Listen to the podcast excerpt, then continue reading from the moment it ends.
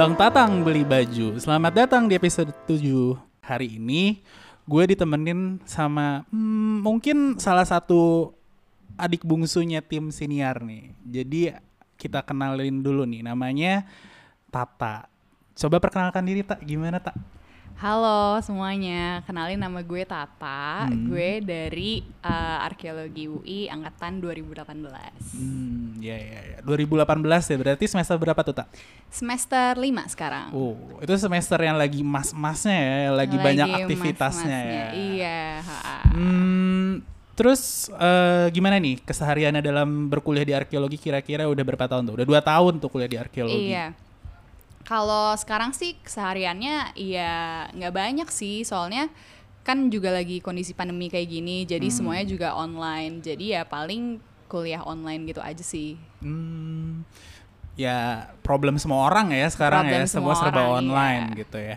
Eh sebetulnya ini agak menarik ya karena mungkin baru kali ini ya kayaknya senior eh, mengundang seorang perempuan muda gitu. Oh, gitu ya? Iya, yang masih berkuliah di arkeologi nih. Jadi kita hari Hmm. ini nih kayaknya tak mau ngomongin soal perempuan dan arkeologi dan beyond dan semuanya lah ibaratnya kita ngomongin Iya. di forum ini sekarang ya.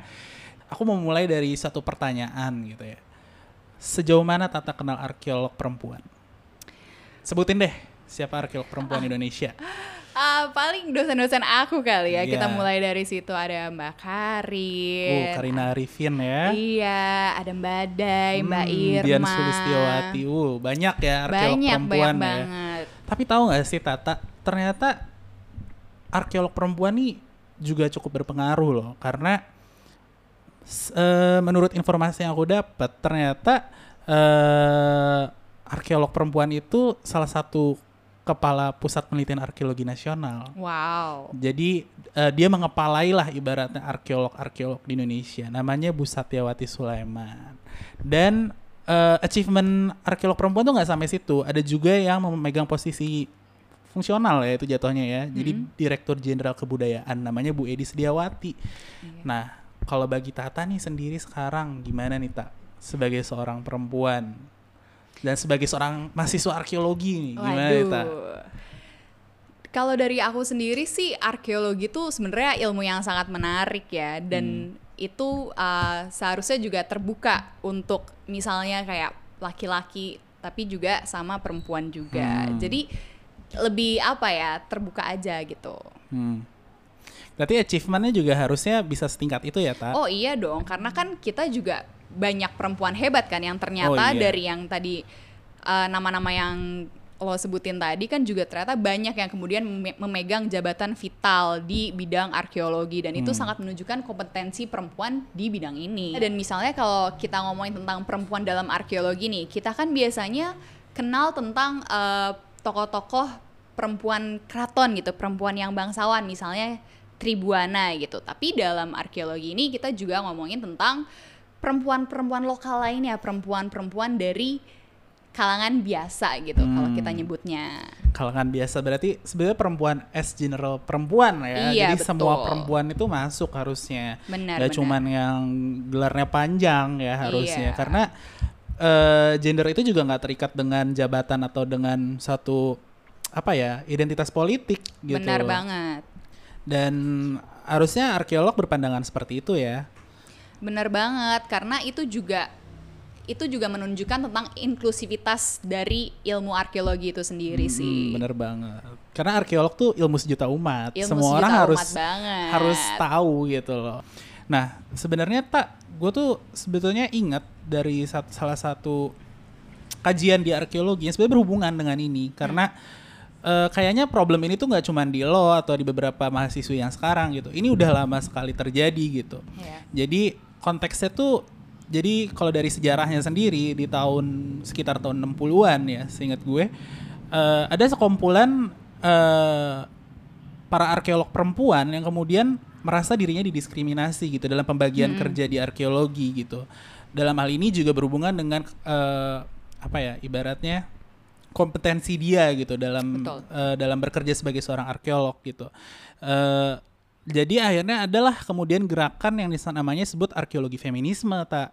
Jadi eh, bagaimana perempuan tuh bisa punya advance gitu di dunia arkeologi kayak gitu. Menurut lo gimana tak?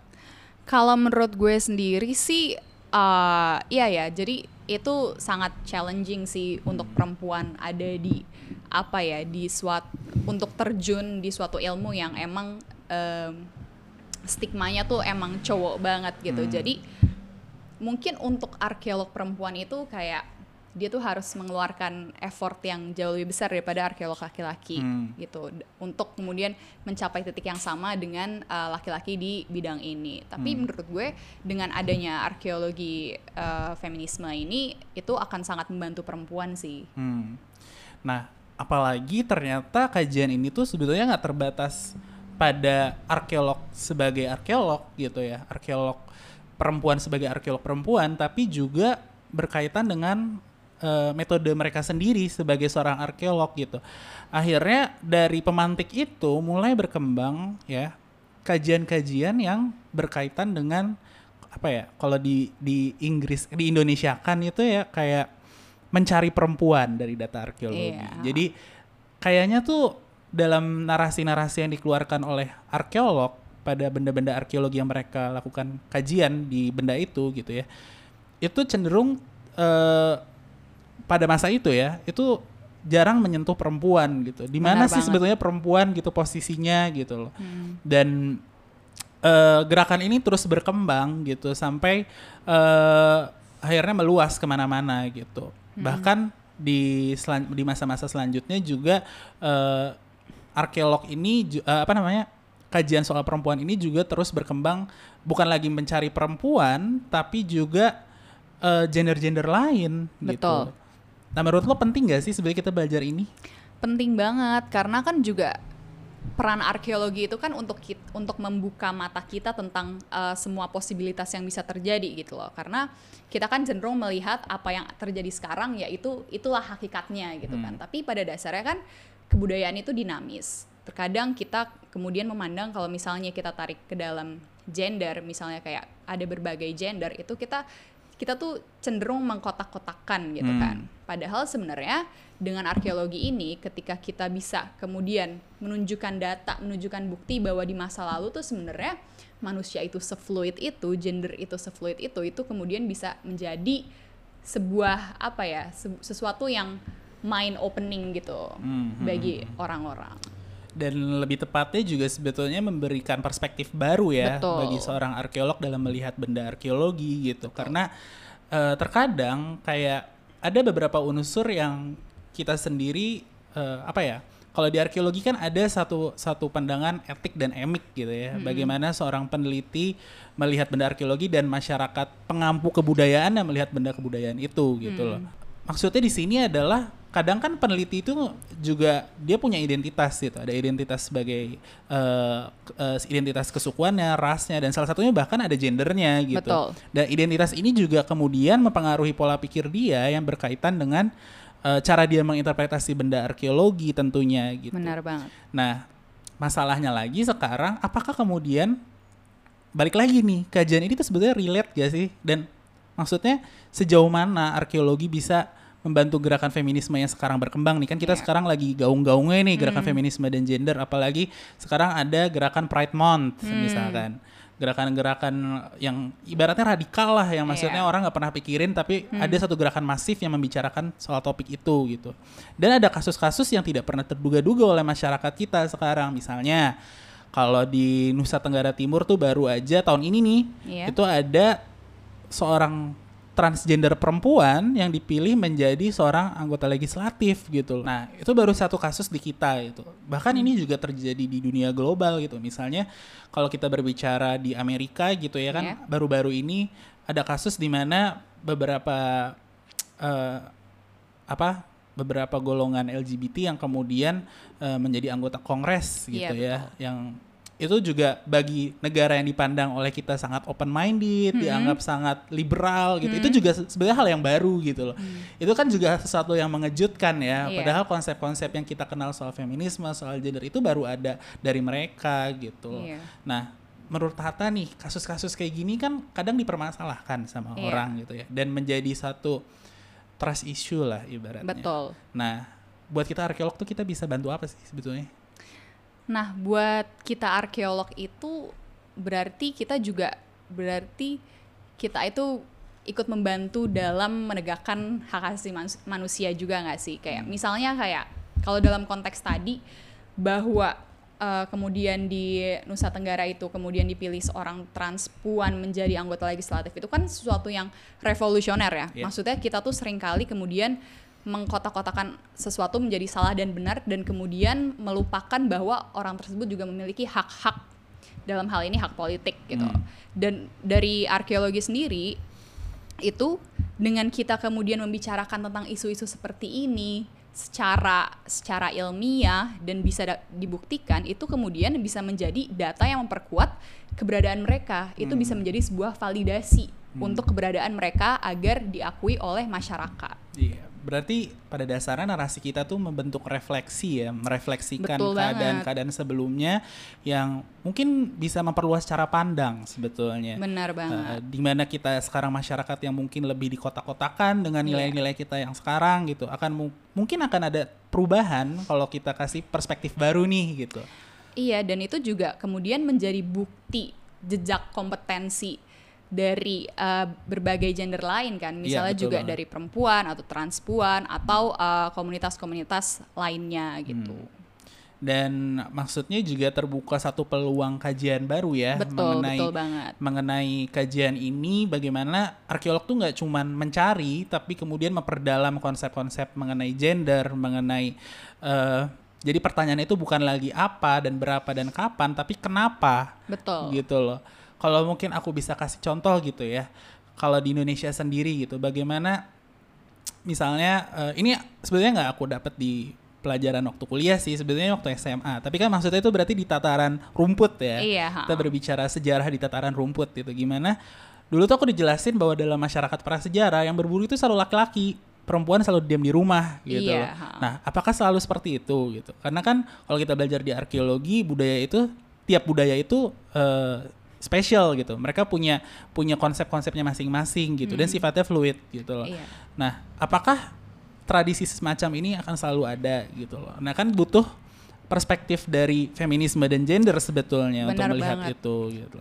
Iya, dan misalnya juga uh, kalau misal lihat dari konteks musik sekarang ya, misal lo kayak lihat BTS nih, biasanya cowok-cowok kalau kemudian suka BTS tuh kemudian dicap kayak girly dan kayak apaan sih nggak maco banget, Uh. iya kan? Atau kayak Sailor Moon itu kan dia kan sebenarnya superhero kan, tapi itu tuh sebelumnya sebelumnya tuh nggak ada, jadi dia tuh groundbreaking banget gitu. Kayaknya sih sebetulnya itu malah membuat kita harusnya sadar ya karena Hmm. ternyata ada beberapa objek tuh yang sudah seperti digenderkan gitu loh. Iya. bahwa kalau suka BTS harus cewek kalau suka Linkin Park harus cowok kayak Ah. gitu loh nah harusnya itu kan seharusnya ya itu harusnya memudahkan arkeolog untuk mengidentifikasi mana benda yang girly mana benda yang maskulin gitu misalnya Benar banget. kayak gitu Dan pandangan-pandangan bias seperti itu juga sebenarnya adalah yang melanggengkan pandangan patriarki kita sekarang ini gitu. Karena kita juga nge- kemudian ngelihatnya di zaman dulu, oh yang berburu itu cowok, pokoknya yang ngerjain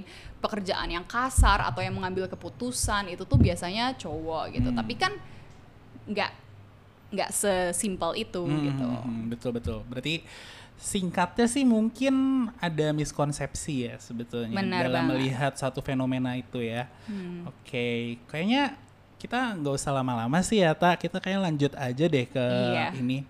Ada pembicara keren kita nih yang bakal ngomongin arkeologi feminisme. Uh, siapa nih? Kayaknya sih kalau anak FIB nih kayaknya udah kenal banget FIB UI ya. Itu Iya. namanya Mbak Ika Putri Widiantini. Dia tuh aduh, ibaratnya kalau ada apa-apa ngomongin soal pembicaraan feminisme tuh pasti dia lah. Pasti dia Ah, gitu. Dan dia tuh eh, merupakan salah satu dosen di program studi filsafat di FIB UI yang eh, fokusnya memang ke feminisme dan gender gitu. Biar lebih jelas ya mungkin kita langsung aja. Langsung aja. Oke.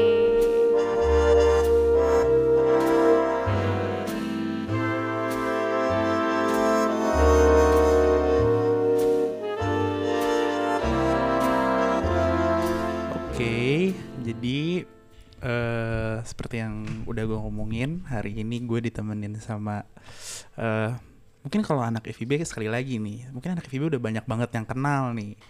Ini salah satu pelopor feminisme bagi gue sih di FIB. Ini namanya Mbak Upi. Halo Mbak. Halo. Iya, ini eh udah lama banget nih Mbak sejak pandemi kita nggak ketemu nih Mbak. Iya, kita bisa via WhatsApp aja ya. Iya. Jadi eh Mbak Upi ini eh udah berapa lama nih Mbak sebetulnya? Karena kan hari ini kita berbicara soal feminisme. Udah berapa lama sebetulnya menggeluti dunia feminisme gitu? Eh, saya sendiri mulai kenal kata feminisme itu pas SMA. Hmm. Tapi dulu masih ini ya, masih aneh banget gitu kan Mm-mm. dengar kata feminisme gara-gara eh, kakak teman saya itu ambil filsafat Hmm. di tapi bukan di UI gitu. Hmm. Terus ada salah satu konsepnya itu tentang feminisme itu dari Simone de Beauvoir. Jadi Oh. pertama kali S, anak SMA dengar di Indonesia tapi ya Eh. mungkin kalau di kayak di Amerika atau di Eropa biasa Hmm. aja mungkin. Tapi kalau di Hmm. Indonesia dengar kata Simone de Beauvoir sama Sartre itu kan Hmm. wah banget. Hmm. Nah, itu jadi tahu mereka kemudian pas masuk filsafat itu Hmm. ketemu sama Mbak Gadis karena kebetulan Mbak Gadis itu Mbak Gadis Arifia Iya. itu eh, pembimbing akademikku. Hmm. Terus eh, Mbak Gadis ini termasuk pembimbing akademik yang aktif eh, dan akrab dengan mahasiswanya. Jadi Hmm.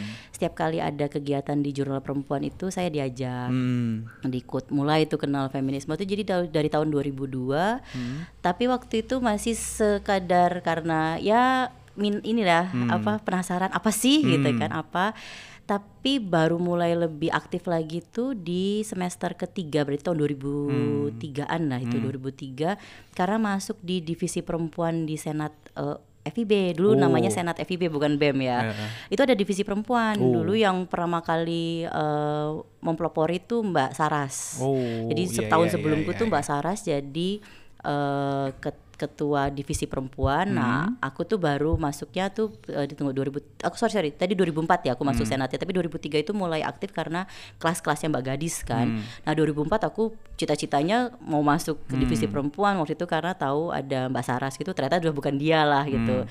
Tapi waktu itu sahabatku si eh, namanya Natali, Hmm. dia pra- eh, Prancis 2000 itu pegang divisi perempuan di Senat FIB. Aku ikut di sana. Hmm. Terus eh, ternyata kok seru ya gitu Hmm. kan. Ternyata isu-isunya tuh adalah isu-isu yang sehari-hari itu sebenarnya kita ala kita lihat gitu. Hmm. Kayak misalnya bagaimana ada apa bah- yang sederhana aja deh bahasa Indonesia gitu kayak misalnya Ani membantu ibu memasak di dapur gitu. Dulu pas SD kita mikirnya apa sih? Kita kan Hmm. mikirnya nah elah soal bahasa Indonesia Iya. gitu kan. Ternyata tuh problemnya jauh Hmm. lebih lebih kompleks gitu ya. Ada mindset yang dibentuk, paradigma berpikirnya sehingga perempuan tuh kayaknya nanti ke dapur Hmm. sementara anak laki-laki bantu ayah di luar gitu. Jadi eh, setelah yang tadi tuh dari divisi perempuan itu masih jalan sampai sempat bikin kayak buletin Hmm. Dulu tuh di FIB eh, angkatan pas tahun 2002 yang waktu saya masuk itu sampai 2004 itu trennya bikin majalah fotokopian itu loh. Jadi setiap prodi kayak berlomba-lomba bikin Seru majalah. ya berarti ya. Dan itu kalau misalnya lagi mau pemilihan ketua senat, Iya. kalau sekarang ketua BEM, itu nanti ada tuh selebaran, selebaran, selebaran macam-macam dengan Ah. anonim gitu. Nah ini kami, eh, saya dengan Nita dan Natali lanjutin kan bikin Hmm. buletin. Tapi karena Natali kemudian sudah selesai, Hmm. lalu eh, saya juga udah selesai kuliahnya, Hmm. tapi waktu itu sudah mulai jadi apa magang, jadi asisten dosen.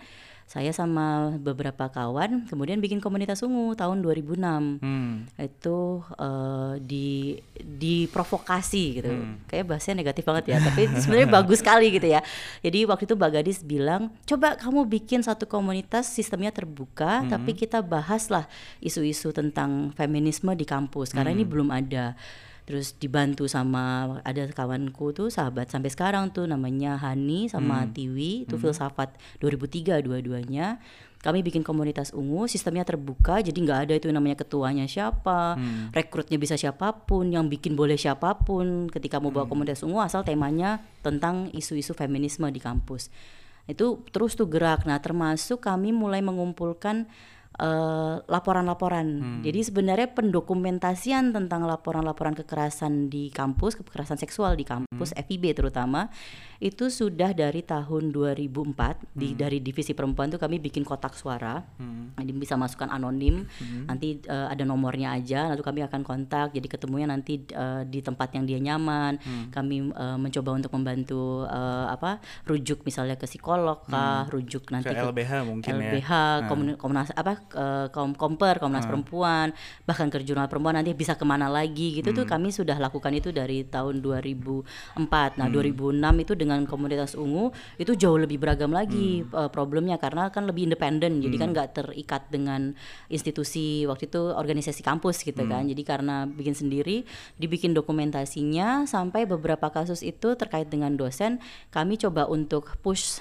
eh, ajukan tapi karena ternyata kami dianggap bukan komunitas resmi bukan organisasi resmi jadi agak sulit lah ya gitu nah sa- masalahnya itu selalu di regenerasi Hmm. jadi begitu karena ini apalagi ini konsepnya kan komunitas terbuka. Jadi udah komunitas tertutup tutup aja susah regenerasi apalagi komunitas yang Terbuka. terbuka. Mm. Nah, pas tahun 2009 sudah itu sebenarnya dari tahun 2007 itu sudah ganti orang yang ngurusin.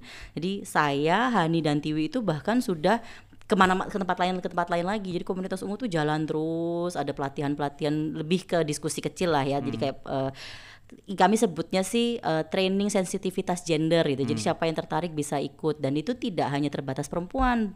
Bahkan pernah kok tahun 2008-an tuh lebih banyak laki-laki yang ikutan. Hmm. Bahkan mereka yang lebih getol gitu untuk bikin karena waktu itu mereka eh, beberapa anak kelas paradigma feminis itu punya cita-cita ingin bikin gerakan laki-laki boleh jadi bapak rumah tangga gitu.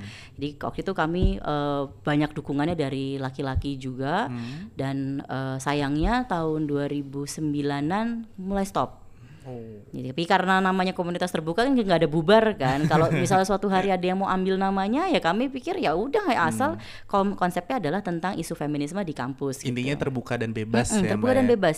Pernah dipakai namanya oleh kawan-kawan yang pernah ikut diskusi sampai ke eh, Bogor dipakai namanya.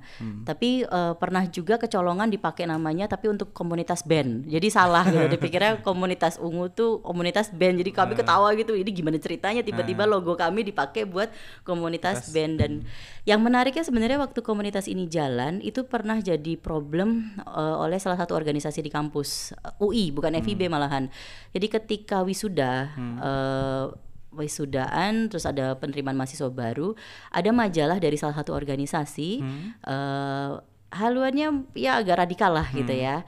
Itu logo kami dipakai. Oh. Jadi kami sampai ketawa-ketawa dan ya, Hmm, ya. tapi kami nggak marah, malah menganggap ini sebagai publikasi gratis gitu. Kami terima kasih karena kok komunitas ungu itu tidak ditulis namanya komunitas ungu, tapi logonya dipakai tap- eh, dengan konsep feminisme sebagai eh, ancaman gitu kesannya. Nah justru jadi menarik karena orang jadi ta- jadi cari tahu kan siapa nih gitu yang pegang komunitas ungu. Karena yang dikenal itu adalah di webnya itu adalah saya Hani dan Tiwi itu webnya nggak dilanjutin lah sama yang generasi yang berikut berikutnya. Jadi ketika kami dihubungi ya kami jawab gitu. Dan itu cukup membuat masih jalan lah komunitas ungu itu karena banyak yang masih jadi tertarik. Nah setelah itu udah. Nah sampai sekarang sampai akhirnya 2007 dua- sampai 2009 saya memutuskan untuk ambil di kajian wanita. Dulu namanya masih kajian wanita. Kalau sekarang sudah jadi kajian gender. Hmm. Itu ambil khusus untuk isu filsafat dan feminismenya. Terus eh, ya sampai sekarang jadinya gitu. Hmm, Berarti sebenarnya jalan yang Mbak Upi lalui ini sebetulnya panjang dari Panjang proses sekali. panjang ya ibaratnya ya. Dan maksudnya memakan waktu yang lama dan juga memakan tenaga dan maksudnya juga pasti butuh pola pikir yang ibaratnya apa ya? Butuh kerja keras lah ibaratnya untuk mencapai ini gitu. ya. Lumayan. Tapi yang sebenarnya menarik itu adalah sebetulnya cerita Mbak di awal yang soal penasaran. gitu kan. Awalnya kan dari penasaran nih gitu. Karena kayaknya tren sekarang nih aku dari aku sih ngelihatnya kayak kayak orang sekarang tuh seperti semacam kaget ketika seperti kaget ya ketika mendengar feminisme gitu. Semacam kayak eh seakan-akan itu baru ada istilah itu gitu. Jadi akhirnya muncullah konotasi-konotasi yang eh ibaratnya ada yang negatif juga ada yang positif gitu loh soal paradigma ini gitu. Nah, dan kemudian Mbak melanjutkan itu ke studi yang eh, di studi itu sendiri, studi feminisme sebagai studi ilmiah gitu ya. Tapi kan pada akhirnya kalau kita lihat track recordnya kan eh, feminisme ini juga diampu di beberapa kajian lain di luar filsafat ya Mbak ya. Hmm. Eh, ada di sejarah, ada yang di seni, ada di kajian politik bahkan kayak gitu. Nah, menurut Mbak sendiri dari trennya yang sekarang muncul juga nih feminisme gitu ya. Entah kenapa tiba-tiba booming lagi gitu dan eh maksudnya juga ada kenyataan bahwa mereka diampu di beberapa studi lain. Kenapa menurut Mbak feminisme itu bisa diampu oleh studi-studi lain itu? Justru sebenarnya feminisme itu ada di setiap aspek. Jadi kalau eh, yang yang ku pahami, feminisme itu kan reaksi. Artinya belum ada istilah feminisme pun ketika ada sekelompok perempuan yang kemudian eh, mem- memperjuangkan hak mereka karena mengalami diskriminasi tanpa mereka sebut itu sebagai gerakan feminis, itu adalah reaksinya. Jadi itu reaksi feminis. Sayangnya kita kan sekarang hidup di era yang terjebak pada label. Jadi labelnya tuh label apakah kamu feminis atau tidak. Nanti kalau misalnya Malah jadi tren malah malah sekarang. jadi tren gitu. Ah. Ini yang yang harus dipahami dulu gitu bahwa feminisme itu kan reaksi, bukan bukan teori yang dibuat untuk melakukan sesuatu tapi justru karena ada kondisi yang memang eh, diskriminatif bas- basisnya gender gitu, baru kemudian eh, mereka bereaksi sehingga memunculkan pemikiran yang disebut feminisme itu. Nah, makanya kalau dikatakan ada di setiap aspek eh, pengetahuan ada di semua tempat. Bahkan di bidang-bidang yang mungkin orang akan pikir eh, bidangnya itu maskulin sekali gitu. Atau bidang yang dikatakan netral gender kayak misalnya kedokteran masa iya kita di kedokteran bahas feminisme? Justru harus disadari bahwa hal-hal yang sifatnya netral itu malah justru lebih cenderungnya bias. Hmm. karena ketika kita sudah terbentuk dari kecil mindsetnya, kemudian terutama dari sekolah tadi ya, contoh yang sederhana tadi deh, pelajaran bahasa Indonesia gitu. Karena itu terus berulang, karena beru- berulang itu akhirnya orang terbiasa punya mindset yang terpisah antara pem- pembagian peran gitu. Misalnya ini kita sederhana aja, topik yang paling sederhana adalah pembagian peran, yaitu pembagian peran laki-laki dan pembagian peran perempuan gitu. Nah, ketika di topik-topik yang misalnya dikatakan eh, netral gender, ah ini mah nggak nggak ada nih problem feminisme. Tapi ketika mindset yang melakukan itu bias, jadinya bias. Hmm. Ketika apa prakteknya kayak misalnya di kedokteran kemudian eh, yang paling berbahaya itu ketika bicaranya eh, terkait sama ginekolog gitu misalnya. Kan dia seharusnya tidak melakukan judgement, penilaian terhadap yang datang. Tapi begitu ditulisnya belum menikah datang ke ginekolog, dokternya akan tanya dulu dalam rangka apa datang gitu loh. Jadi dia sudah punya mindset-mindset yang kemudian diskriminatif dan bias gitu. Dan ini bahaya sekali. Makanya feminisme itu harusnya kita mulai mulai tempatkan bukan lagi sebagai teori yang eksklusif, tapi dia harusnya ada di mana-mana. Bahkan saya sering bilang di kelas itu kalau suatu hari kita bahkan tidak perlu ada kelas paradigma feminis itu nggak apa-apa. Artinya sudah berhasil lah semua lini itu masuk dalam wilayah tersebut. Sehingga nggak perlu lagi kita spesifik harus bahas kelas paradigma feminis. Tapi selama masih ada kelas-kelas yang kemudian atau topik-topik yang kemudian berusaha me- me- apa ya menganggap bahwa ah itu topiknya beda lah nggak nggak ada kaitannya maka kelas paradigma feminis masih penting gitu. Jadi itu yang singkatnya sebetulnya masalah feminis itu ada di mana-mana ya ada di mana-mana. Gitu. Kalau eh, yang ini aku belajarnya justru ketika praktek jadi aktif apa masuk jadi aktivis. Jadi kan eh, saya tuh diajarin oleh Mbak Gadis bahwa seorang eh, seorang aktivis itu seharusnya atau seorang akademisi jadi baik akademisi maupun seorang aktivis itu harus punya jembatan volunteerisme jadi eh, baik si akademisinya itu volunteer untuk terlibat aktivisme dan eh, aktivisnya tuh punya volunteerisme untuk kemudian terlibat dalam dunia akademis karena dia harus mengembangkan pengetahuan juga gitu. Nah ketika waktu itu saya aktif di jurnal perempuan itu isunya macam-macam. Mau itu isu agama isu kesehatan reproduksi isu arkeologi atau isu multikulturalisme ada artinya dari semua aspek itu ada gitu. Makanya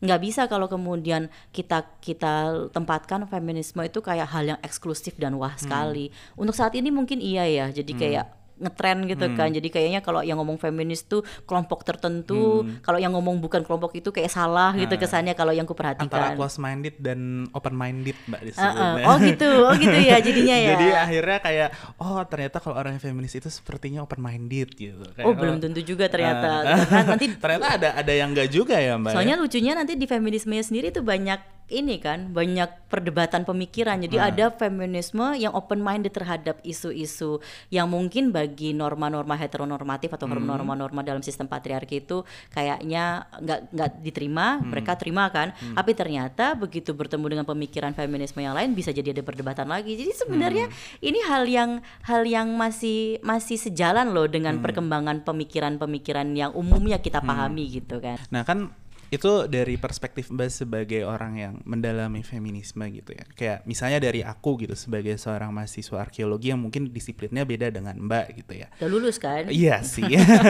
alumni ya jatuhnya ya. Tapi ya maksudnya ibaratnya mahasiswa-mahasiswa lain lah, mahasiswa Oke, arkeologi oke. lain gitu, yang tertarik nih misalnya dengan dengan kajian feminisme gitu, dan eh, dia eh, ingin mengembangkan feminisme itu di kajian arkeologi misalnya kayak gitu, atau ya katakanlah kajian kebudayaan lain lah gitu, sastra, arkeologi, sejarah dan lain-lain sebagainya. Sebetulnya ada nggak sih batasan-batasan atau eh apa ya? Ya sebenarnya batasan eh, bagaimana membridging antara kajian feminisme di dalam kajian kebudayaan lah ibaratnya Oke, gitu. jadi kalau kita misalnya lihat dari berbagai isu gitu Iya. ya, gimana cara membatasinya. Pertama tentu harus lihat dulu ketika problemnya itu ada problem tentang eh, diskriminasi atau pembedaan gender dulu gitu. Berarti di sini masih topiknya bahkan bukan gender dulu ya, kita lihat dulu tentang jenis kelamin. Artinya benar-benar spesifik banget gitu masih memisahkan antara perempuan karena bervagina atau laki-laki karena berpenis, masih sesederhana itu. Tapi begitu eh, begitu sudah masuk ke isu sekarang kontemporer, karena perkembangan teori feminisme juga berkembang, ini udah bukan lagi laki-laki versus eh, perempuan gitu. Bahkan sudah berada di wilayah pola pikir. Apakah kemudian kita me, me- apa ya meminimalisir peran feminin gitu misalnya. Jadi dianggap kalau yang feminin itu eh, lebih rendah lah kelasnya ketimbang yang maskulin gitu misalnya. Kan artinya udah bukan lagi tentang laki-laki perempuan karena ternyata terbukti bahwa banyak pemimpin perempuan yang mindsetnya maskulin. Oh, Bahkan iya. mindsetnya patriarkis gitu karena mereka masih melihat kekuasaan, masih membagi kelas, masih kemudian meniadakan kelas yang lainnya karena dianggap tidak satu level dengan dia. Nah ini masih jadi problem. Artinya batasannya di sana. Pertama adalah perhatikan dulu hal yang paling biologis yaitu ketika problemnya adalah diskriminasi karena jenis kelamin. Jadi ketika seorang perempuan didiskriminasi karena keperempuanannya. Hmm.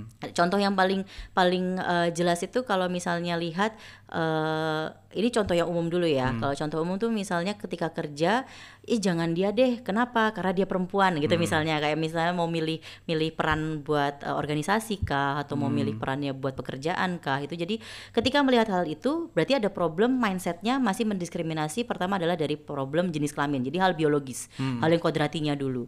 Lalu berikutnya adalah kalau itu tidak dipisahkan, jadi dia tidak bilangnya karena perempuan jenis kelaminnya.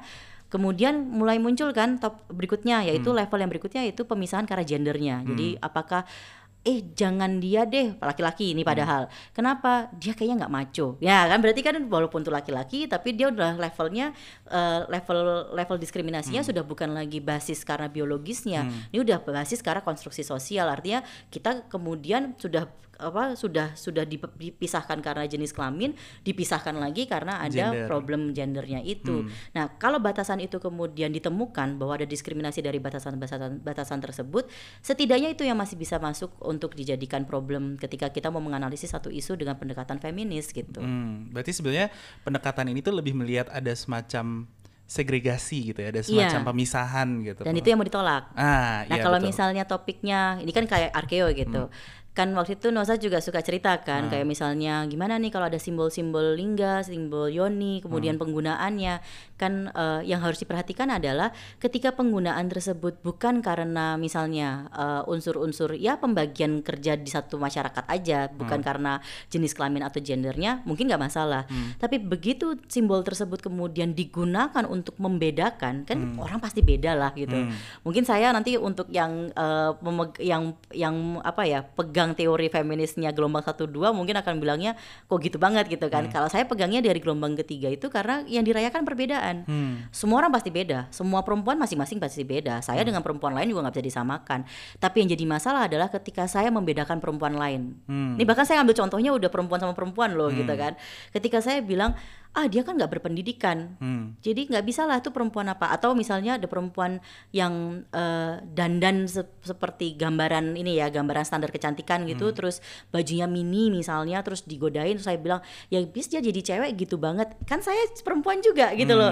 Ini kan berarti sebenarnya udah bukan lagi laki-laki versus perempuan tapi mindset saya adalah mindset yang sudah ter, ter dikotomi tadi gitu bahwa ada perempuan yang sesuai norma dan perempuan yang nggak sesuai norma gitu. Nah kalau kemudian terkait sama tadi arkeologi itu berarti atau kebudayaan gitu umumnya ya kita lihat aja penandaan penandaannya seperti apa digunakannya untuk apa. Kalau digunakannya hanya sebatas untuk pengerjaan peran di masyarakat gitu kan nggak masalah. Tapi kalau peran tersebut digunakan untuk membedakan bahkan menempatkan beberapa pekerjaan itu sebagai kelas yang lebih rendah berdasarkan jenis kelamin. Jadi kembali ke basis pertamanya yaitu biologis tadi, berarti situ ada problem Hmm. yang harus kemudian bisa dicari Berarti gitu. sebenarnya harusnya hati-hati juga ya kita ya. Sangat hati-hati. Nah, karena nggak nggak sembarangan juga kita bisa ngejudge satu suatu fenomena dalam kebudayaan terus kita bilang kalau wah ini ada masalah feminisme di sini. Belum gitu. tentu juga Nah. karena sudut pandangnya aja pasti ada tapi harus harus ada data yang kuat dulu gitu untuk di untuk disampaikan Hmm. gitu. Nah, kalau berbicara soal disiplin lain di luar feminisme nih, Mbak. Sebetulnya feminis sekarang tuh butuh apa sih, Mbak? Maksudnya dalam kajian di luar feminisme itu sendiri, mereka butuh kajian yang seperti apa dari kita untuk membantu menyuarakan feminisme dan gender, kajian gender sekarang kayak gitu. Dari dari disiplin ilmu lain. disiplin umum lain. Hmm. Ada satu hal yang kayaknya harusnya cocok dan mulai dibicarakan lebih banyak dari Apa feminisme tuh, Mbak? tentang akar kepedulian. Oke. Ini yang sering kali terlupakan. Jadi kita sering dengar tentang ayo bersuara. Hmm. Pertanyaannya kembali adalah mau mendengarkan nggak? Hmm. Jadi justru yang harus kita suarakan adalah ayo kita dengarkan. Jadi mer- otomatis orang bersuara gitu. Nah, eh, disiplin-disiplin ilmu yang belum eh, mungkin mereka yang berada di disiplin ilmu tersebut yang kemudian masih menganggap bahwa feminis itu eksklusif, terpisah gitu ya. Harus mulai masuk ke wilayah yaitu eh, menggunakan pendekatan kepedulian tadi. Pengalaman didengarkan, kemudian tidak ada judgement nilai. Jadi eh, kita yang mendengarkan itu tidak lagi melihat tapi dulu nggak gitu gitu nggak nggak boleh tuh nilai-nilai kayak gitu. Jadi ketika dia bercerita hal yang baru itu benar-benar murni didengarkan sehingga dari sana kita akan akan mulai punya solidaritas gitu loh terhadap isu-isu yang mungkin selama ini nggak pernah terfikirkan ada. Saya sharing ketika pertama kali dulu masih penasaran feminisme itu ya. Saya lahir di keluarga yang orang-orang akan bilang, "Lo problemnya apa sampai lo ikut femi- apa belajar feminisme? Lo disakitin cowok ya?" Saya belum pacaran waktu itu. Jadi saya bingung, disakitin cowok di mana? nggak ada pacar juga gitu. Pernah ngalamin kekerasan ya? Nggak juga. Rumah saya baik-baik aja Bahkan ada gitu. stereotipnya ya, Mbak ya. Tapi karena pada saat itu yang ditekankan oleh Mbak Gadis mendengarkan, saya baru sadar bahwa loh ternyata ibu saya yang kayaknya baik-baik aja di rumah, bukannya saya terus mau bilang ibu saya victim atau apa, belum tentu loh orang yang kemudian terkena yang apa yang yang ter- bersinggungan dengan isu-isu diskriminasi itu jadi victim, bisa jadi mereka survivor sebenarnya atau eh, masih bertahan, belum tentu victim. Jadi nggak semua hal tuh kemudian kita jadikan victim itu apa jadi victim gitu kan. Ibu saya tuh jangan-jangan adalah bagian dari sistem patriarki itu yang dipisahkan. Karena ibu saya eh, terpaksa bergabung dengan organisasi ibu-ibu di kantor ayah saya. Dan kalau tidak bergabung, dia merasa tidak mendukung karir ayah saya gitu. Dan ibu saya waktu itu sampai saya SMA itu masih mindsetnya adalah sana ambilin nasi buat ayahmu, sana ambilin ini. Terus nanti kalau ada teman laki-laki datang, padahal dia teman biasa gitu, itu mbok diambilin teman-temannya. Tapi kalau teman perempuan yang datang, cuma dikasih tahu, kasih tahu itu piringnya di mana, kasih tahu itu gelasnya di mana. Jadi bukan ambilin. Ketika saya mulai eh, bicara tentang feminisme itu karena mendengarkan saya tanya sama Mbak Gadis waktu itu, Mbak, terus ibu saya berarti ini dong, jadi victim dong di dalam patriarki. Loh, enggak, kamu dengarkan suara ibu kamu, apa yang mau jadi, yang sedang dia suarakan apa, dan perhatikan satu hal, kamu sering nggak mendengarkan ibu kamu marah-marah terus gak ada hentinya kayaknya masalah gitu, itu bukan dia lagi marah, nggak ada yang dengerin ceritanya, makanya jadinya kayak ngomel terus-terusan gitu. Akhirnya saya coba praktekkan itu di rumah. Jadi ketika ibu saya lagi ngerjakan sesuatu di dapur bersama dengan waktu itu ada eh, asisten rumah tangga kan, bantuin gitu terus saya nanya, "Tadi di acaranya ngapain aja gitu?" Dan ibu saya bilang, "Lo tumbenan kamu nanya-nanya gitu." Jadi ternyata mendengarkan itu membuka cerita baru. Hmm. karena lama-lama ibu saya menganggap bahwa oh ini anak mau mendengarkan. Hmm. sehingga ibu saya bisa cerita gitu ketika misalnya ayah kamu kok nggak mau dengerin kalau aku ngomong apa ya? Hmm. gitu kan. Nah itu upaya apa upaya saya untuk membuat ayah saya mendengarkan pun tuh prosesnya panjang sekali bertahun-tahun. Tapi itu kalau dari cerita saya tadi itu adalah hal yang kemudian kita butuhkan ketika kita bicara disiplin ilmu yang beragam ini. Hmm. berani nggak kita mau mendengarkan? Berani nggak kita mau benar-benar bicaranya open minded tidak hanya sebagai label open minded tapi benar-benar kita diam ketika ada yang sedang cerita kita dengarkan. Kemudian bukan kita mengajarkan mereka untuk melakukan sesuatu. Jadi misalnya saya eh, ketemu dengan satu kasus gitu ya kemudian dia cerita ya mbak saya mengalami kekerasan seksual misalnya gitu saya tidak bisa kasih solusi. Yang saya bisa lakukan adalah bertanya apa yang ingin dia lakukan. Kalau dia bilang dia nggak tahu, temani dia sampai dia tahu dia mau ngapain. Nah itu adalah cara kita mendengarkan, bukan hanya jadi kalau sekarang kayaknya tren di sosial media spill the tea ya, ya kan? Itu nggak mendengarkan itu, jatuhnya jadi apa? Gosip sih itu Gosip ya, Ah. gosip. Jadi gosip gitu. Karena ujung-ujungnya yang saya perhatikan ketika spill the tea di sosial media gitu itu bukan cara yang tepat untuk mendengarkan. Karena jatuhnya kita cuma pengen tahu kemudian kita bersyukur bukan kita sementara konsep mendengarkan dengan kepedulian ini adalah kita tidak perlu menjadi mereka. Kita tidak perlu kemudian bersimpati ikut nangis sampai men, apa eh, berterseduh-seduh kayak sedih gitu tapi kemudian lupa gitu kan. Empati itu adalah membiarkan dia bercerita apa adanya, memberikan bantuan misalnya, oke, kayaknya aku nggak bisa nih nanganin masalah psikologisnya. Berarti, tapi dia nggak tahu harus ngapain kan? Kita bantulah cari rujukan. Jadi, jadi kita mencarikan pengetahuan untuk dia. Itu kan kasus butuh solusi.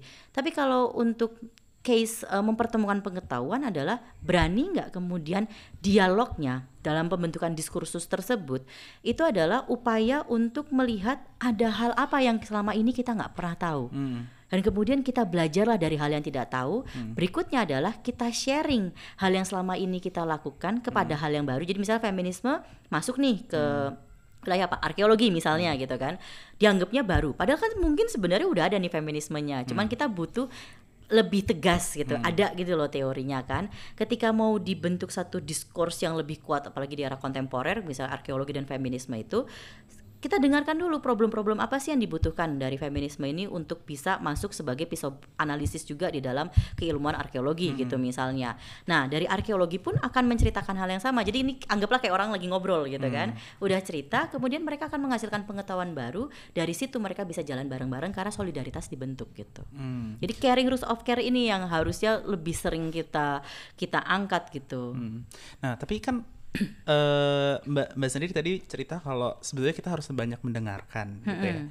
Yang sebetulnya sumbernya dari sebuah cerita gitu. Tapi sebenarnya jadi kendala lagi ke kami nih gitu mahasiswa arkeologi gitu. Karena sebetulnya kayaknya kebalikan. Karena kalau di arkeologi tuh kita yang malah bikin ceritanya, Mbak. gitu loh. Kita yang menceritakan si benda ini nih, benda ini tuh begini begini begini begini gitu. Nah, karena kita sendiri yang bikin ceritanya, bagaimana cara kita mendengarkan, Mbak? Tetap bisa mendengarkan. Melalui apa mbak kira-kira mbak? kan ketika meneliti itu ketika mau membangun cerita kan pasti ada dong eh, apa namanya penandaan-penandaan dari setiap simbolnya kah atau dari setiap wilayahnya kemudian setiap periode gitu misalnya itu kan bagian dari ceritanya Hmm. jadi bukan lagi kita mencocok-cocokkan satu situasi kan nggak boleh kan tetap mencocok-cocokkan kan tetap nggak boleh kan Cocokologi itu. cocokologi kan nggak bisa gitu Iya. nah tapi kemudian bukalah cerita yang terkait dengan tadi basis diskriminasi berdasarkan biologisnya kah atau basis penindasan berdasarkan wilayah konstruksinya. Itu kelihatannya sederhana loh. Tapi ternyata begitu begitu ketemu problemnya kompleks sekali gitu kan. Nah nanti baru kelihatan tuh apakah mau menggunakan pendekatan misalnya teori-teori seksualitas kah gitu kan? Atau ternyata ini adalah problem teori-teori tentang mistifikasi dan domestifikasi kah gitu misalnya. Jadi ini akan akan baru kelihatan apa eh, pemetaannya setelah berhasil berhasil menemukan dulu tanda pertamanya itu ketika mendengarkan cerita di balik cerita umumnya itu ada lagi nggak secara spesifik yang tadi tuh? Pemisahan-pemisahan berdasarkan hal yang biologis atau pemisahan yang berdasarkan hal yang sifatnya konstruktif itu gitu. itu hal yang yang bisa dilakukan awal baru kemudian baru bisa di, dilihat problem-problem yang muncul apa. Tapi pasti muncul dari setiap uh, objek yang digunakan itu. Dia akan bercerita juga berani nggak mau dengerin cerita itu? Ini tidak terbatas kok untuk orang dengan orang. Bahkan dari eh, apalagi kalau misalnya kalau kalau saya kan banyak dari wilayah semiotik juga tuh dari Yulia Kristeva itu ternyata cerita dari dari perasaan aja misalnya eh, emosi gitu dari satu kata digunakan untuk menandakan emosi apa itu bisa jadi cerita. Kalau kita berani untuk telusuri cerita ini datang dari mana penandaan ini konteksnya apa gitu. Artinya ini bisa digunakan dalam dalam berbagai eh, ini ya berbagai disiplin ilmu gitu. Tapi tolong koreksi deh Mbak kalau aku salah menilai kata-kata Mbak tadi. Kayak eh, berarti sebetulnya singkatnya kayak kita yang bikin ceritanya tapi kita juga yang menilai ceritanya Mbak. Enggak juga Enggak juga nggak ada nilainya jadi dihadirkan aja gitu di dihadirkan. berarti sebetulnya lebih diangkat ada Diangkat, masalah itu ya. mengangkat hal yang mungkin selama ini nggak kelihatan gitu Nah. berani nggak untuk angkat itu Betul, gitu betul, kan betul.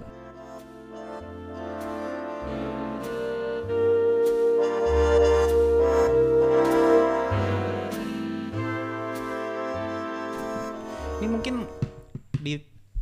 pembicaraan selanjutnya ini sebenarnya agak bergeser sih mbak ke ranah-ranah yang lebih eh, itu kan kita berbicara sudut pandang keilmuannya. Mm-mm. Sekarang aku mau ngomongin soal ilmuannya sendiri oke sebetulnya. oke Jadi kan kalau di arkeologi sendiri itu ada namanya kalau kita melihat suatu benda kebudayaan itu kita ada eh, sudut pandang etik dan sudut pandang emik. Eh, kalau sudut mungkin singkatnya sih kalau sudut pandang etik itu adalah bagaimana seorang peneliti itu melihat si benda gitu. Ada sudut pandang emik itu adalah orang dari kebudayaan itu yang ngelihat si benda gitu. Karena kan itu dari dua sudut pandang yang berbeda gitu. Itu dan diwakilkan oleh kalau kita sebutnya sebagai mental template. Jadi sesuatu yang memang udah hadir di manu- manusia itu gitu dari mereka tumbuh berkembang kayak gitu.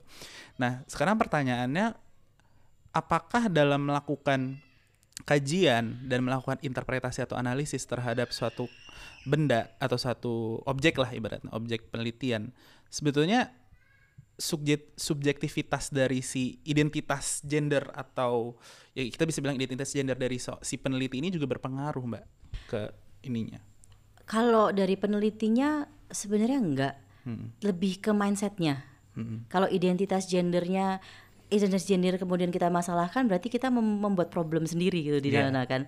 Artinya penelitinya itu siapa pun selama dia bisa punya pegangan untuk kemudian eh, memisahkan ini problem bias apakah gitu kan problem bias jenis kelamin kah apakah ini problem bias di gendernya kah gitu itu dia bisa melihat ke sana dan kemudian dia bisa menghentikan pikiran-pikiran dan penilaian-penilaian yang bias tadi nggak ada masalah. Jadi nggak ada nggak ada masalah sebenarnya mau jen- mau gendernya apa pun gitu dari penelitinya. Bahkan bahkan seharusnya justru eh, ragam gendernya kalau kalau dia bisa berpikirnya eh, terbuka penuh empati tadi dia mau mendengarkan problem-problem yang tidak pernah didengarkan sebelumnya siapa pun bisa gitu. Hmm. Jadi mau dia laki-laki, mau dia perempuan, mau dia lesbian, gay, bis- bisexual juga itu nggak? Nggak ngaruh. Ngaruh sama karena sekali ya, karena ti- eh, pada dasarnya tidak ngaruh kok Hmm. Eh, antara kamu perempuan pasti feminis belum tentu juga. Hmm. belum tentu laki-laki kemudian tidak feminis nggak juga. Tapi mindsetnya itulah yang kemudian harus kita kejar. Dia pakai sudut pandangnya apa? Biasanya kalau dari penelitian itu kelihatan mindsetnya itu dia kemudian sensitif terhadap isu isu-isu feminis.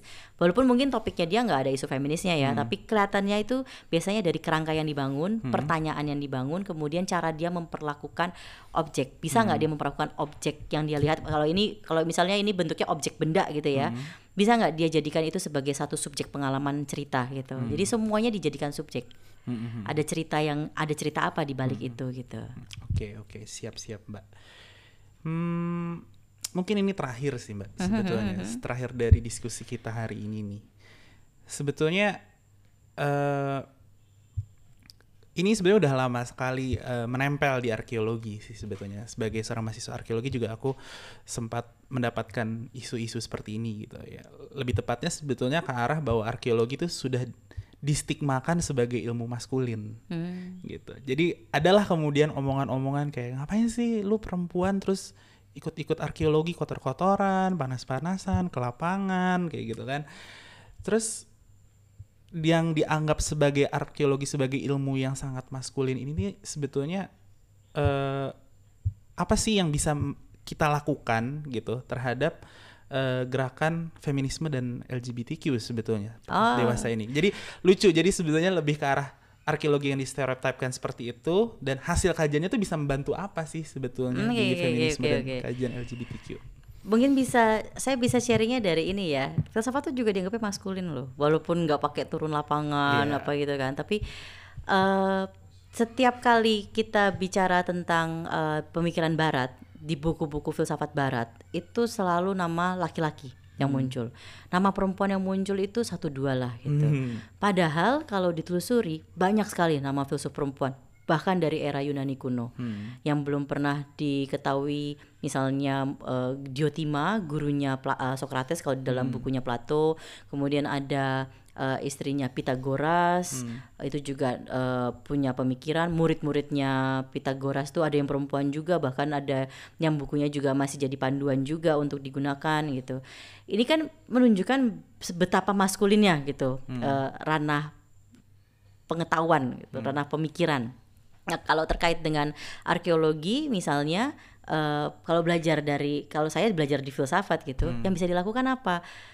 Munculkanlah nama-nama yang nggak pernah dimunculkan itu atau cerita-cerita yang nggak pernah dimunculkan itu. Memang ini jadi apa ya? tanda kutip membebankan satu dua orang untuk mulai pertama. Hmm. Nah kalau satu dua orang ini mulai memulai, kemudian menjadikan ini tren juga, kan sebenarnya mindsetnya bikin tren dulu kan. Jadi kayak misalnya saya lakukan ini di beberapa kelas, jadi saya munculkan tren sehingga nama ini muncul terus di anak-anak. Lama-lama mereka jadi punya pilihan kan, karena mereka yang tadinya nggak tahu apa, ya namanya mahasiswa baru masuk mau belajar filsafat atau belajar arkeo kan, masa langsung tahu kan nggak mungkin namanya mahasiswa belajar dong gitu. Tapi karena mulai ada satu dua orang jadi pionirnya untuk mengulang-ulang terus namanya, la- mungkin awalnya akan dianggap itu siapa gitu kan. Terus dia jelasin. Lama-lama mulai ada lagi kayak MLM gitu kan. Mulai ada yang jelasin lagi, mulai ada yang jelasin lagi terus gitu. Tapi mulai dimunculkan. Mau tidak mau ketika kita bicara hal-hal yang ada di masa lalu kan hal yang tidak bisa disuarakan kalau bukan kita yang menyuarakan. Betul. Karena kita sebenarnya sedang menyuarakan sesuatu di masa sekarang tetapi berdasarkan cerita masa lalu kan. Kita kan bukan terjebak di masa lalu nih sebenarnya gitu, tapi kita menceritakan pengetahuan yang ada. Nah, di pengetahuan yang masa lalu ini kan pun bias yang disampaikan. Artinya ada pengetahuan-pengetahuan yang dipilih ini aja lah yang ini ini aja gitu. Bisa nggak sekarang kemudian muncul orang-orang yang kemudian berani untuk walaupun dosennya bilang, aduh ini nanti nggak ada yang bisa pede aja. Eh, kenapa enggak? Pasti ada orang yang bisa. Carilah orang yang bisa itu. Artinya memang kerjanya ekstra. Di awal-awal pasti kerjanya ekstra banget. Tetapi kalau itu terus diulang, orang akan ak- orang akan mulai bahas hal tersebut. Di kalau di filsafat UI itu ada beberapa nama filsuf perempuan sudah mulai ada yang angkat dan sebut itu karena terus-menerus diangkat gitu. Kalau misalnya nggak ada yang mulai kayak dulu Mbak Gadis nggak mulai, eh, Pak Tommy nggak mulai, saya kemudian jadi nggak mulai juga karena kan saya dapat dari mereka gitu. Nggak diangkat ya mungkin nggak ada yang tahu juga sampai sekarang gitu. Nama-nama seperti eh, Simone de Beauvoir mungkin hanya tempelan aja pasangannya Sartre gitu. Nggak lagi dilihat dia punya pemikiran sendiri. Kalau sekarang kan mulai eh, yang menarik itu kayak di, di komunitas mahasiswa mulai itu nanti ada yang bahas khusus dari Simone de Beauvoir-nya ada yang ngambil Hannah Arendt mulai ada nama-nama baru yang lainnya yang yang isu-isu kontemporer. Di arkeologi pun sama. Ada baiknya kemudian ya mungkin contoh podcast kayak gini gitu kan itu mulai diangkat hal-hal yang yang mungkin selama ini nggak dianggap sebagai uh, topik yang menarik untuk diangkat mulai diangkat dan dijadikan tren juga. Jadi memang harus ada yang mulai untuk jadikan tren sehingga yang lainnya akan mendengarkan apa yang tadinya tak didengarkan sebelumnya gitu. Hmm, ini mungkin satu kesimpulan atau mungkin sebetulnya lebih ke arah ini sih Mbak. Kayak correct me if I'm wrong gitu ya. Dari dari sepanjang cerita kita mengenai arkeologi dan feminisme dan arkeologi dan gender gitu ya. Sebenarnya tepatkah kalau kita kemudian eh, menjadikan hasil narasi yang diciptakan oleh para arkeolog-arkeolog itu sebagai validasi gerakan feminisme sekarang? hmm, Atau justru enggak? Kalau validasinya selama datanya itu faktual, selama datanya itu bisa dipertanggungjawabkan, lebih ke ini ya jadi validasinya sebagai media mediasi untuk mendengarkan cerita yang tak diangkat itu sih. Bisa mungkin tapi kalau kemudian hanya untuk membenarkan satu teori saya kurang setuju. Hmm. gitu. Jadi jangan sampai kemudian eh, ketika bicara arkeologi dan feminisme hanya demi membenarkan bahwa ada juga nih feminismenya gitu kan. Hmm. Karena kan saya katakan bahwa semuanya tuh ada sebenarnya. Karena pasti ada kok reaksi-reaksi itu, tapi mungkin belum diangkat aja. Hmm. Tapi ketika diangkat itu hanya untuk membenarkan satu teori tanpa ada tanpa ada apa ya cerita yang yang memang yang memang datang dari cerita itu sendiri Hmm. dari dari tokoh itu sendiri kah dari wilayah itu sendiri kah dari periode itu sendiri kah gitu Hmm. misalnya maka jadi bahaya jatuhnya kita akan sama seperti teori-teori yang apa cocok logika gitu Hmm. kan atau misalnya teori-teori yang kemudian jadi arogan lah Hmm. untuk apa sementara feminisme sendiri kan reaksi Hmm. dan dia akan selalu berkonflik gitu dengan hal-hal yang terkait dengan diskriminasi itu sendiri makanya eh, kalau validasinya adalah sebagai upaya dia menjembatani cerita tersebut cerita-cerita dari pengalaman yang tak didengarkan tadi itu oke gitu. Lebih ke sana sih. Hmm. Soalnya kayak ada sih beberapa kasus di arkeologi misalnya nih Mbak, kayak hmm, kan belum lama ini ada eh, fenomena kalau ada seorang transpuan yang kemudian menjadi anggota legislatif di Indonesia gitu ya, itu kan sempat heboh. Terus eh, karena aku juga sempat penasaran, akhirnya aku mulai mencari-cari lah gitu. Dulu di di masa-masa sebelumnya apa seperti itu atau justru ada eh, perbedaan gitu yang kita nggak nggak bisa samakan juga gitu loh. Eh, kayak ternyata kalau yang setelah aku lihat eh, di beberapa data memang ada eh, transpuan yang memang tidak mengalami diskriminasi gitu pada masa lampau gitu. Nah, apakah bentuk kasus seperti ini sebetulnya kita sebut validasikah atau ya udah dua kasus yang berbeda aja oh sebetulnya? itu termasuk validasinya Oke. Artinya kamu berhasil eh, menemukan pengalaman yang sebenarnya ada tapi nggak pernah didengarkan kan sebelumnya. Ketika kamu berhasil kemudian eh, apa ya punya formulasi untuk penyampaiannya dengan baik sehingga kamu menceritakan bukan karena kamu membenarkan cerita tersebut melainkan kamu menyampaikan ceritanya kemudian mungkin analisisnya ada dari kamu gitu itu nggak masalah kalau analisisnya tetapi bahwa cerita tersebut bisa disampaikan itu bagian dari validasinya. Bisa. Okay, siap. Berarti aku udah makin yakin nih sekarang. Ayo semangat aja lah. Ya udah mungkin dari pembicaraan kita yang amat panjang ini biarkanlah pendengar-pendengar yang menyimpulkan ya mbak Gimana? biar mereka terus belajar lah. Iya betul banget. Mungkin gitu aja dulu ya mbak. Oke okay, terima kasih ya, bye -bye. bye bye, bye, -bye.